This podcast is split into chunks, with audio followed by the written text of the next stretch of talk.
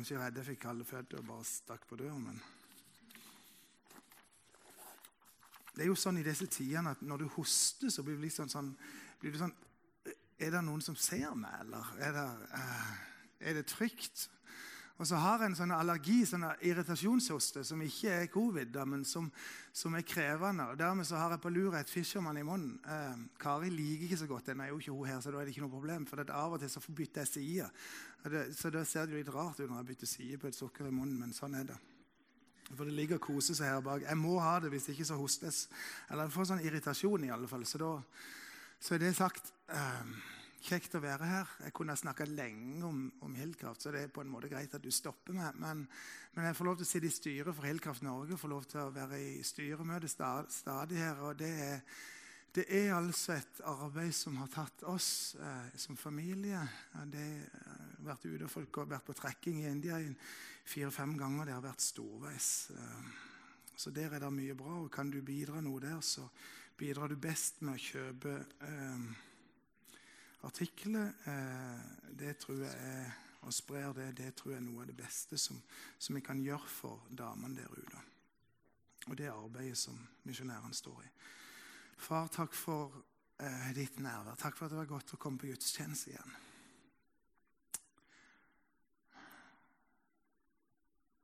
Takk, far, for at det er godt å se mennesker og kjenne fellesskap og kjenne at vi, eh, vi er familie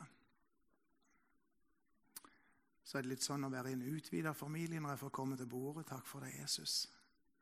Takk for jeg får lov til å kjenne på fellesskapsbånd, får lov til å kjenne på søskenbånd. Får lov til å kjenne det at vi, eh, vi hører sammen. Nå ber jeg far om at ditt rike skal komme akkurat nå. På en sånn måte som du vil. At du skal få gjøre det du vil, Jesus. Med meg og med oss alle. Amen.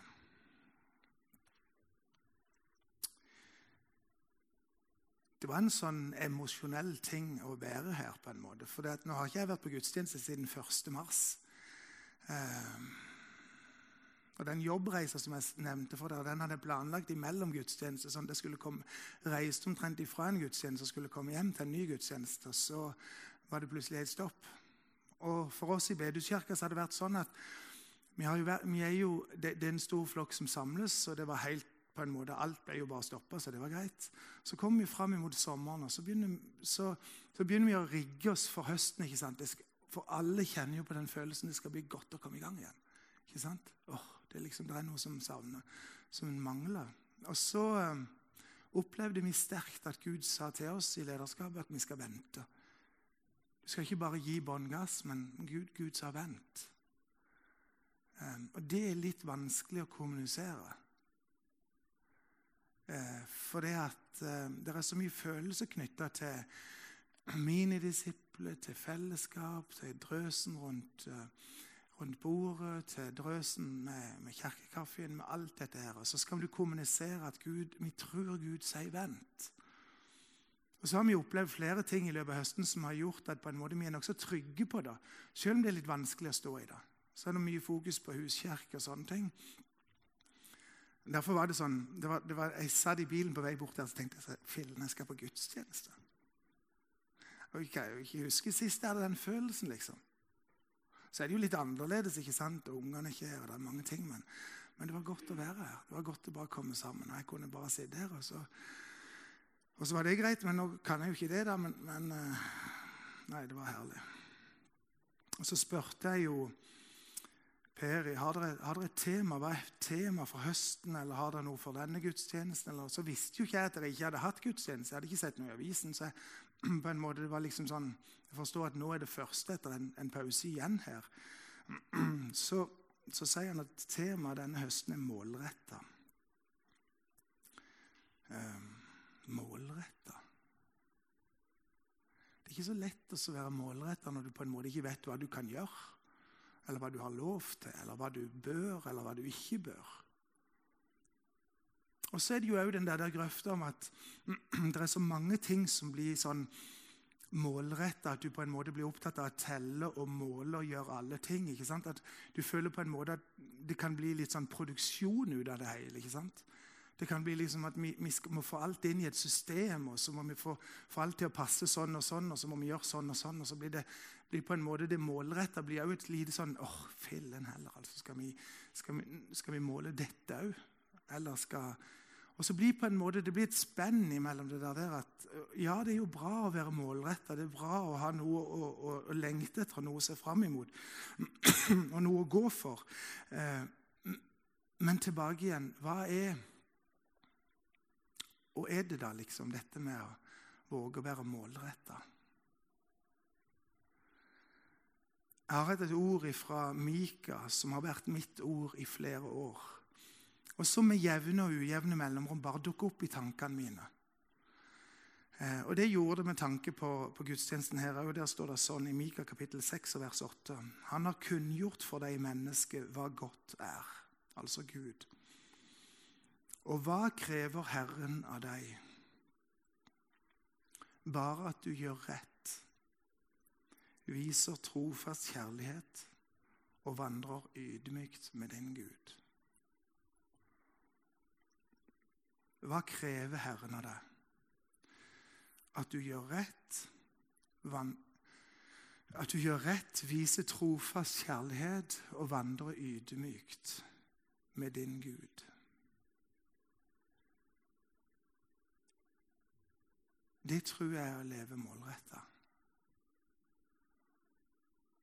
Det å være i kontakt med Han. Det å være klar over hvem jeg er, og hvem er Gud. Hvem jeg er når jeg står opp og kjenner at det er mange ting og det er mye som skjer. Og så kommer Gud til meg og sier han, enkelt stille. Jeg krever at du gjør rett, at du viser trofast kjærlighet, og at du vandrer ydmykt med meg. Det er mange ting som tar oss, og det er mange ting som, som berører oss. og det er mange ting, Du og meg er innom så mange ting hver eneste dag. Det er ikke alltid like lett å være like skarp hele veien. Det er ikke like lett alltid å være helt liksom, påkobla. Det er ikke alltid like lett. Så kommer Gud til meg stadig vekk. Når jeg kjenner at det er vanskelig, det er vanskelig av og til å styre, det er vanskelig å navigere, det er mange ting som skjer, så sier Gud jeg krever bare at du gjør rett. I de små tingene, i de små valgene. Når, når, av og til så, så, så, skjer jo ting bare på impuls, ikke sant? Men når vi stanser opp, så sier Gud ja, Svein Arne, i jobben din, gjør det som er rett. Ja, hva er rett? Nei, det er Jeg tror det som står her, er rett. Gjør det som er sant og godt og rett. At du viser trofast kjærlighet, da, hva er det? Det går jo på mine nærmeste, først og fremst. Men det går på mennesket generelt. En som er verd å stole på, en som er verd å lene seg mot. Og at du vandrer ydmykt med din Gud. Ydmykhet. For noen år siden så var det en som sa Svein Arne, jeg tror jeg har fått et ord til deg. Jeg har fått to ord til deg, sa han. Ja, har du lyst til å høre det? Ja, sa jeg. har lyst til å høre det. Ja, det går det to ord. Og så var, satt vi for oss sjøl. Heldigvis var jo det litt greit å være bare to. Så sier han at det ene er stolthet, og det andre er kontroll. Så sånn, Hvis du holder stolthet og kontroll opp imot ydmykhet, så er det klart at det er litt forskjell på de, to ordene, de tre ordene. Det er litt forskjell i tyngdepunkt hva det er. Og så har jeg fått gått noen runder både med meg sjøl og med mennesker rundt meg. Og så har jeg sett at Mye av det har vært drevet av forskjellige ting, men allikevel ydmykhet tror jeg Gud bygger som karakter i oss. Og det trenger han med noen av oss, så trenger han veldig lang tid. Og jeg er en av de han har hatt god tålmodighet med.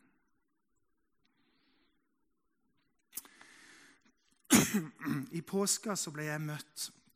Det er jo sånn Når det ikke er gudstjeneste du går på, så, så er det jo enormt mange tilbud eh, i, i, forhold til online-gudstjenester. Det er fint, men det er ikke det samme.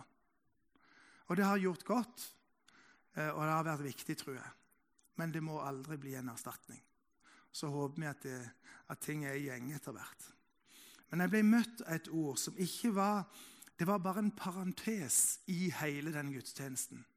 Så jeg har lyst til å lese en historie fra, fra 1. Mosebok kapittel 28, som skal ta oss litt videre i dette.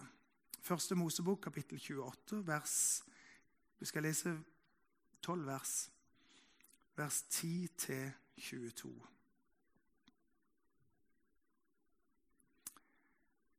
Overskriften er Jakob drømmer. Jakob dro fra Beersheba og tok veien mot Haran.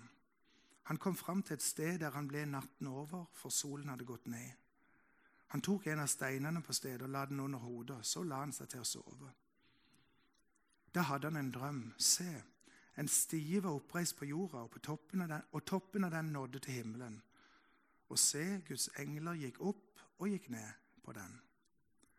Da sto Herren foran ham. Han sa, 'Jeg er Herren, din far, Abrahams og Isaks Gud.' 'Den jorden du ligger på, vil jeg gi deg, din og din ett.'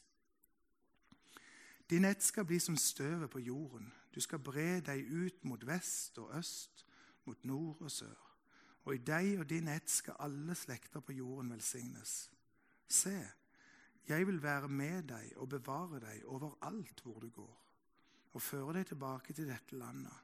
For jeg skal ikke forlate deg, men gjøre det jeg har lovet, for, lovet deg. Da våknet Jakob av drømmen, eller av søvnen, og sa, Sannelig, Herren er på dette stedet, og jeg visste det ikke. Han ble redd og sa, hvor skremmende dette stedet er. Det må være Guds hus. Her er himmelens port. Om morgenen sto Jakob tidlig opp. Han tok steinen han hadde hatt under hodet, og reiste den som en støtte. Så helte han olje over den. Han kalte stedet for Betel, men tidligere het byen Lus. Så ga Jakob dette løftet. Om Gud er med meg og bevarer meg på veien der jeg går, om han gir meg brød å spise og klær å ha på meg, og lar meg vende tilbake til farshuset mitt i fred, da skal Herren være min Gud.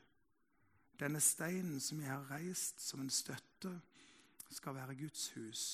Alt du gir meg, skal, av alt du gir meg, skal jeg gi deg tiende.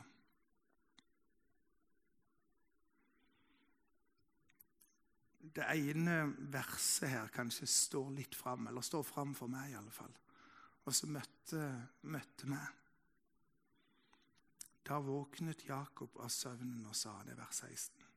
Sannelig, Herren er på dette stedet, og jeg visste det ikke. Har du noen gang prøvd og så telle velsignelsene i livet ditt. Um, ofte så, så, tenker vi gjerne på de tingene som er krevende. Og vi kan regne opp en del ting som vi ser på som er utfordrende, og som er vanskelige.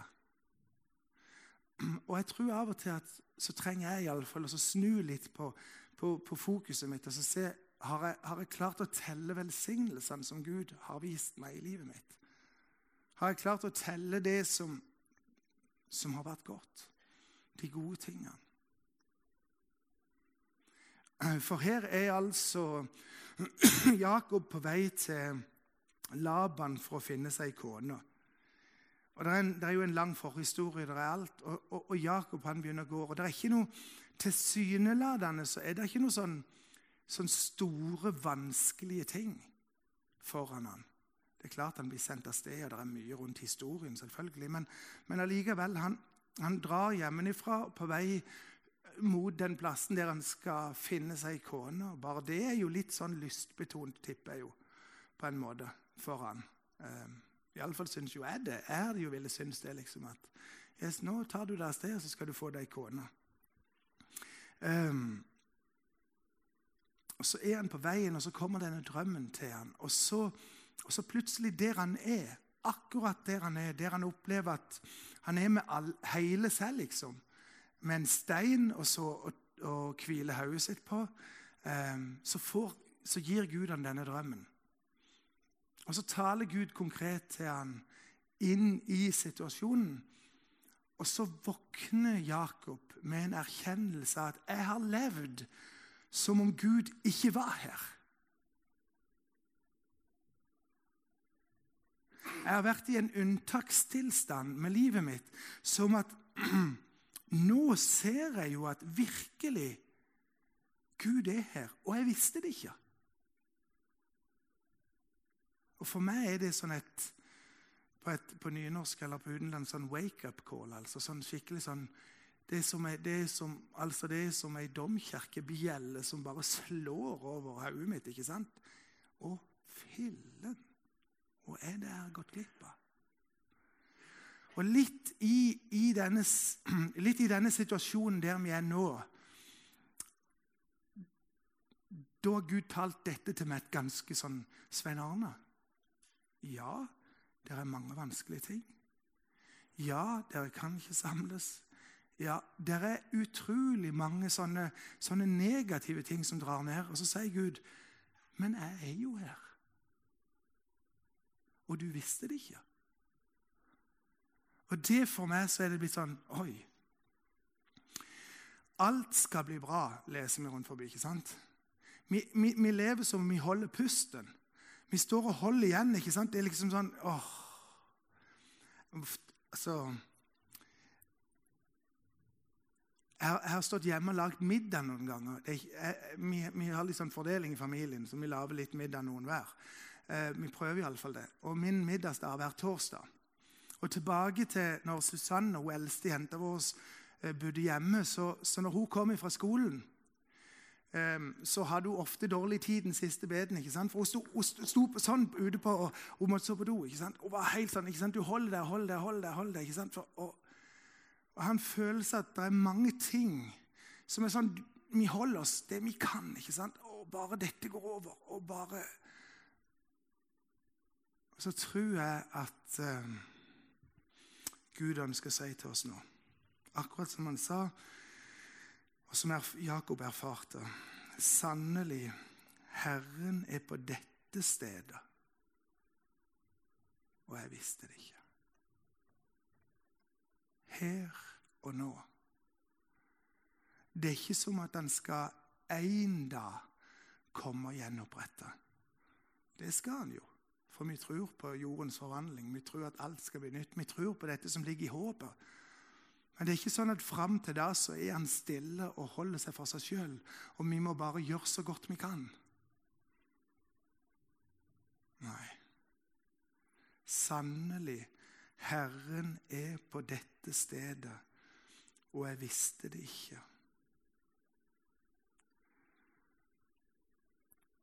Og det tror jeg at jeg trenger.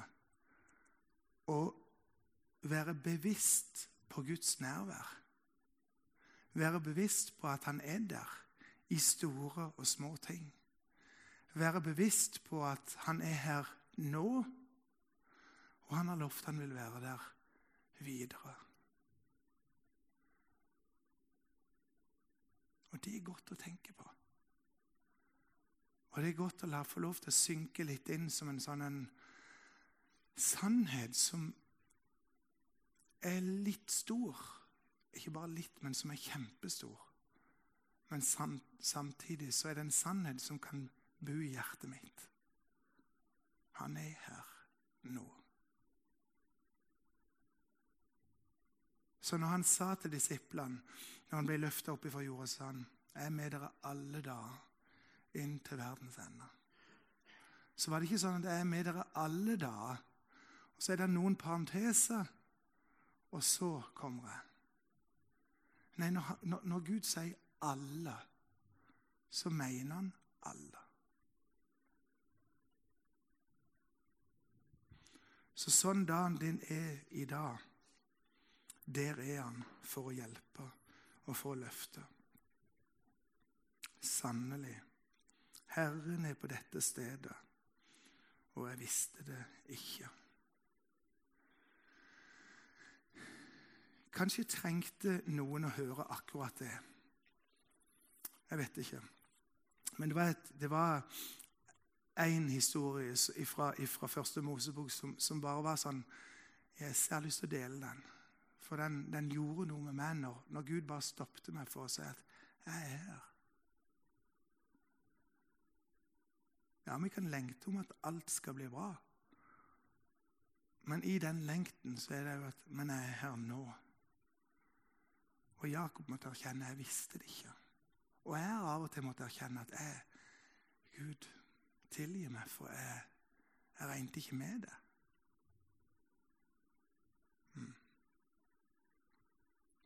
Skal vi gå noen kapittel fram i Første Mosebok, til historien om Hagar eh, og Ismael.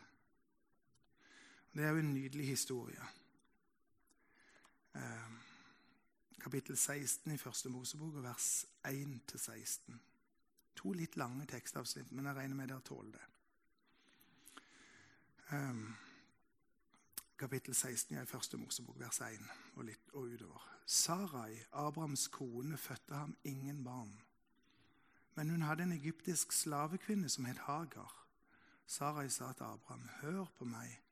Herren har hindret meg i å føde barn. Gå nå inn til slavekvinnen din. Kanskje får jeg en sønn ved henne. Og Abraham hørte på det Sarai sa, og Abrahams kone Sarai tok Hagar, den egyptiske slavekvinnen sin, og ga henne til kone for Abraham, mannen sin. Abraham hadde da bodd ti år i landet Kanaan. Han gikk inn til Hagar, og hun ble med barn. Men da, da hun oppdaget at hun var med barn, så hun ned på husfruen sin. Da sa Sarai til Abraham, det er din skyld at jeg ble krenket. Jeg ga min slavekvinne i din favn, men da hun oppdaget at hun var med barn, så hun ned på meg. Herren skal dømme mellom meg og deg. Abraham sa til Sarai, se, slavekvinnen er i din hånd, gjør hva du vil med henne. Og Sarai ydmyket henne så hun rømte fra henne. Herrens engel fant henne ved en vannkilde i ørkenen, ved kilden på veien til, sur, til Sjur. Han sa, Hagai, Hagar, Sarais slavekvinne, hvor kommer du fra, og hvor går du hen?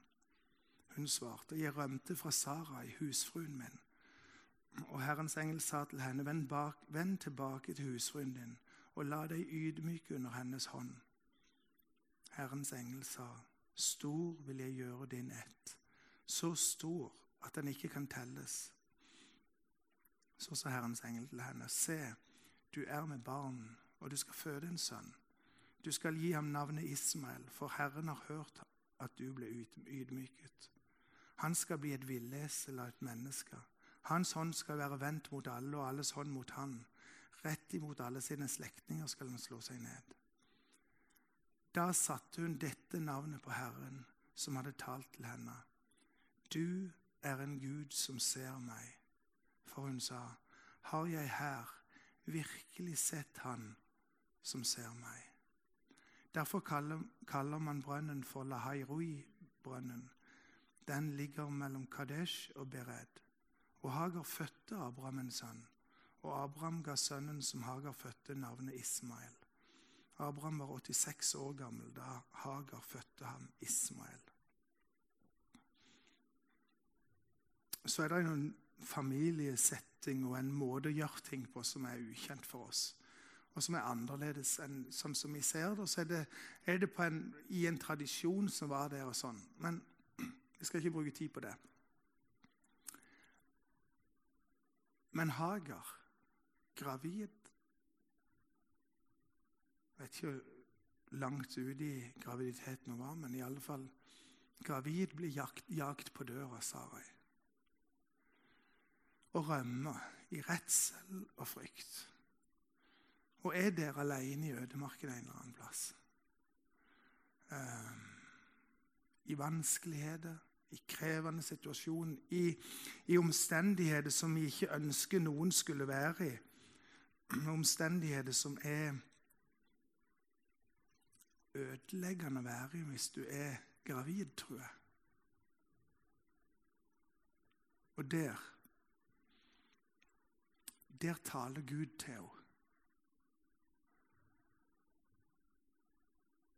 Og det sier jo noe om at situasjonen er litt annerledes enn det vi kanskje ville tenke. Eller med våre vestlige øyne ville se på. Eller prøve å justere eller vurdere eller putte det inn i et system som passer for våre tanker. Gud er litt større, han rommer litt mer. Og Så taler Gud til Hagar. Og så får hun et møte med Gud som forandrer livet hennes. Og hun har på mange måter òg en erkjennelse, sånn som Jakob hadde. Jakob blir møtt i en, i en drøm, sovende med hodet på en stein. Hagar blir møtt i ødemarken, hun òg. Under den brennende sola, kanskje. Vi kan legge mye til som vi ikke vet helt nøyaktig om. Men, men i alle fall, i omstendigheter der hun ikke burde befinne seg, så blir hun òg møtt. Og så erkjenner hun at Gud ser meg. Gud ser meg. Hun som hele livet sitt hadde levd i en, i en tilværelse av å være tjenestepike og gjøre ting. Og så opplever hun noe som tror hun skal bli henne til oppreisning. Eh, det at hun blir gravid med, med husfaren. Hun opplever sikkert at det gir henne en status, i alle fall blant de andre tjenestekvinnene eller tjenestejentene som er der. Mens i møte med Sarai så blir det jo et, en enorm kamp og en strid. Så blir hun jakt, og så opplever hun at der jeg er, der ser Gud meg. Og så fører det til noe. Ikke bare en bekjennelse av at Gud ser, men et gjensvar på den bekjennelsen. Hva er det? Ja, hun sier Har jeg her virkelig sett Han som ser meg?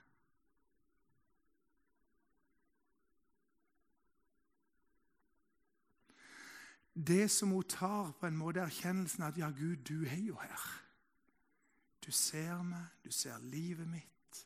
Litt sånn som, som erkjennelsen Jakob hadde når han, når han våkna opp i drømmen. Erkjennelsen han hadde at Gud, Gud, du er jo her, midt oppi alt. Og jeg visste det ikke. Og så tar hun den bekjennelsen litt lenger så, så spør hun seg sjøl har jeg sett Han som ser meg. Og Det er en sånn en ny sånn som jeg sa i stad, sånn wake-up call for meg. Gud er her. Han har lovt han skal være her. Han har lovt han skal følge oss hver dag. Og så blir det liksom sånn Men med da? Har jeg virkelig sett han? Har jeg erfart han? Har jeg klynga meg til han? Han som ser meg. Han som vil ha noe med meg å gjøre. Han som ønsker å ha, gi meg liv og gi meg overflod jaga og forfulgt, men allikevel i Guds omsorg opplevde Hagar at på en måte det kom en sånn, en sånn følelse at Oi. Jeg har levd litt på utsida av det, kanskje. Jeg har levd kanskje litt der på sida av det, eller Litt sånn som eh, Paulus han skriver om å ha skinn av Guds frykt, men å fornekte dens kraft. Litt av det der, der øh, Ja, erkjenne at han er her, men får det en konsekvens? Og det, driver det meg i livet mitt? Er det en sånn en Jesus, meg selv jeg deg giver? Er det en sånn følelse at Gud har Gud har ikke bare lovt tilstedeværelse, men han har lovt å involvere seg i livet hvis vi åpner opp for han. Hvis vi åpner opp for det han har for oss, hvis vi åpner opp for alle de tingene han har for oss, så har han lovt at i store og små ting så vil han involvere seg i livet. Så vil han være en reell størrelse. Og Konsekvensen for Hagar var jo den at hun ydmyka seg, og så gikk hun hjem igjen. Hun så hva hun hadde. Hun ydmyka seg, så sa hun til, til Så gikk hun hjem og så fødte hun Abraham den sønnen som de hadde spurt om. Og Så kjenner vi til historien, ikke sant? hvordan Gud svarte. Det skjedde mange ting. Men allikevel Hun valgte, hun valgte på grunnlag av det hun erfarte der ute med brønnen i Lahairoi Og så sier hun, 'Jeg går tilbake.' Der jeg hører til. Der jeg hører hjemme. Så fødte hun sønnen. Og jeg tror uten ja, det, det, er jo en spekulasjon, da. Men, men, jeg sier det, det er mine ord og en spekulasjon fra meg. Men, men uten den erfaringa hun gjorde der, så er det ikke sikkert at hadde, at det hadde blitt noe av det der forholdet som ble gjenoppretta i den familien. For jeg tror det ble det når hun fikk lov til å komme tilbake igjen. Hun så det at det er noe som er større enn meg sjøl. For hun hadde fått sett han som ser henne. For meg blir det sånn, Svein Arne, i alle de tingene du holder på med, i alle de tingene du styrer med, i alle de tingene som jeg er engasjert i, så er det ofte at du blir litt sånn Du, blir litt sånn, du får noen skylapper. Du klarer ikke på en måte det, det er noe som blir så enormt viktig at en bare kjører på. Iallfall er det sånn. Det er noen ting som kan bli sånn at du bare gir gass, altså. Og så trenger jeg av og til en korreksjon. Av og til så trenger jeg at, at noen kanskje snakker til meg. Hjelp meg litt. Og jeg trenger iallfall å åpne meg for Guds stemme i mitt liv. Og så blir jeg litt sånn stående i undring av og til. Har jeg virkelig sett Gud, altså? Han som ser meg. Han som ser baksida mi og framsida mi. Han som ser meg på innsida og på utsida. Som ser motivasjonen min, som ser tankene mine, som ser hva som driver meg. Og så elsker han meg. Og så vil han ha meg tettere inn på seg. Det er utrolig. Men det er enormt godt. Så tenker jeg litt sånn Noen tenker at målretta Jan var ikke Du, du toucher ikke innom temaet i det hele tatt. Nei, kanskje ikke. Men jeg tenker litt Hva er det som styrer mye av de livsvandring? Hva er det som styrer meg? Jeg har noen rutiner på morgenen. Jeg har noen rutiner. Jeg kjenner at Hvis ikke jeg følger dem, så, så, skjer det noe. Jeg har en bok som jeg bruker hver morgen før jeg går på jobb. Den har jeg med meg her i dag, for jeg skal lese et lite avsnitt for dere til slutt. Den bruker jeg hver morgen, for da jeg, jeg kjenner at jeg trenger å starte sammen med ham. Og så har jeg noen andre sånne rutiner som jeg gjør, som er mine, og som er til hjelp for meg. Og så håper jeg du òg har noen sånne ting som kan være til hjelp for deg. For det, det er ikke så lett, for det tingene tar oss ofte, ikke sant? Men skal jeg la han få lov til å ha innvirkning i livet mitt, så må jeg få noen sånne aha-opplevelser av og til at han er der, og at han vil meg noe. Og at han ser meg, og at han ønsker noe. Og at han vil meg godt. Og at han vil se at jeg går der han vil jeg skal gå. Og Da må jeg gi han mulighet til å snakke til meg. Gi han mulighet til å styre livsvandringa mi. Og kanskje med sånne store ting, sånn som Jakob fikk oppleve, som, som Hagar fikk oppleve. Noen sånne, sånne, store punkt i livet der plutselig klokka slår. altså Du hører at Oi, det er dette det dreier seg om. Jeg er sikker på at hvis du setter deg ned, så har flere av dere noen sånn noen sånne punkt der du bare kjente at oi, det var en, der var en følelse av et nærvær som bare bekrefta det jeg har trodd og det jeg har tenkt. Men han ønsket å bekrefte det. Fordi han ønsker å styre livsvandringa vår. Han ønsker ikke la oss drive rundt og liksom bare holde pusten og vente på noe godt som skal komme. Der kommer noe godt. Men det betyr ikke at vi ikke skal leve i mellomtida. Det betyr ikke at vi ikke bare skal vente på at alt blir bra, men at Gud er her, og han er god nå. Og han vil oss noe nå. Midt i sorg, midt i smerte, midt i tap, midt i alle ting som vi opplever som urettferdig og vanskelig. Midt i alle velsignelsene du kan telle i livet ditt. Midt i alle Se det, se det tilbake. Det er ikke lett å se det når vi står oppi det, men kanskje hvis vi kaster blikket litt bakover på ting som har skjedd, så ser vi at det er noen velsignelser å telle. Det er noen velsignelser å telle. Herren er på dette stedet. Jeg var bare ikke helt klar over det. Har jeg virkelig sett Han som ser meg? Jeg skal lese et lite avsnitt fra det som var ordet som jeg fikk i går morges til avslutning. Fordi verden er i en unormal, fallen tilstand, tror mange at det er tilfeldighetene som styrer universet. Ting later til å skje på måfå, med lite eller ingen mening. Folk som ser på verden på denne måten, har oversett ett grunnleggende faktum begrensningene i den menneskelige forstand. Det dere vet om den verden dere lever i, er bare toppen av isfjellet. Under overflaten av den synlige verden er mysteriene altfor enorme til at dere kan fatte dem. Kunne du bare se hvor nær deg jeg er, og hvordan jeg til enhver tid virker på dine vegne, ville du aldri mer tvile på at jeg tar vare på deg på det mest fantastiske vis. Det er derfor du må leve ved tro, ikke etter det synlige.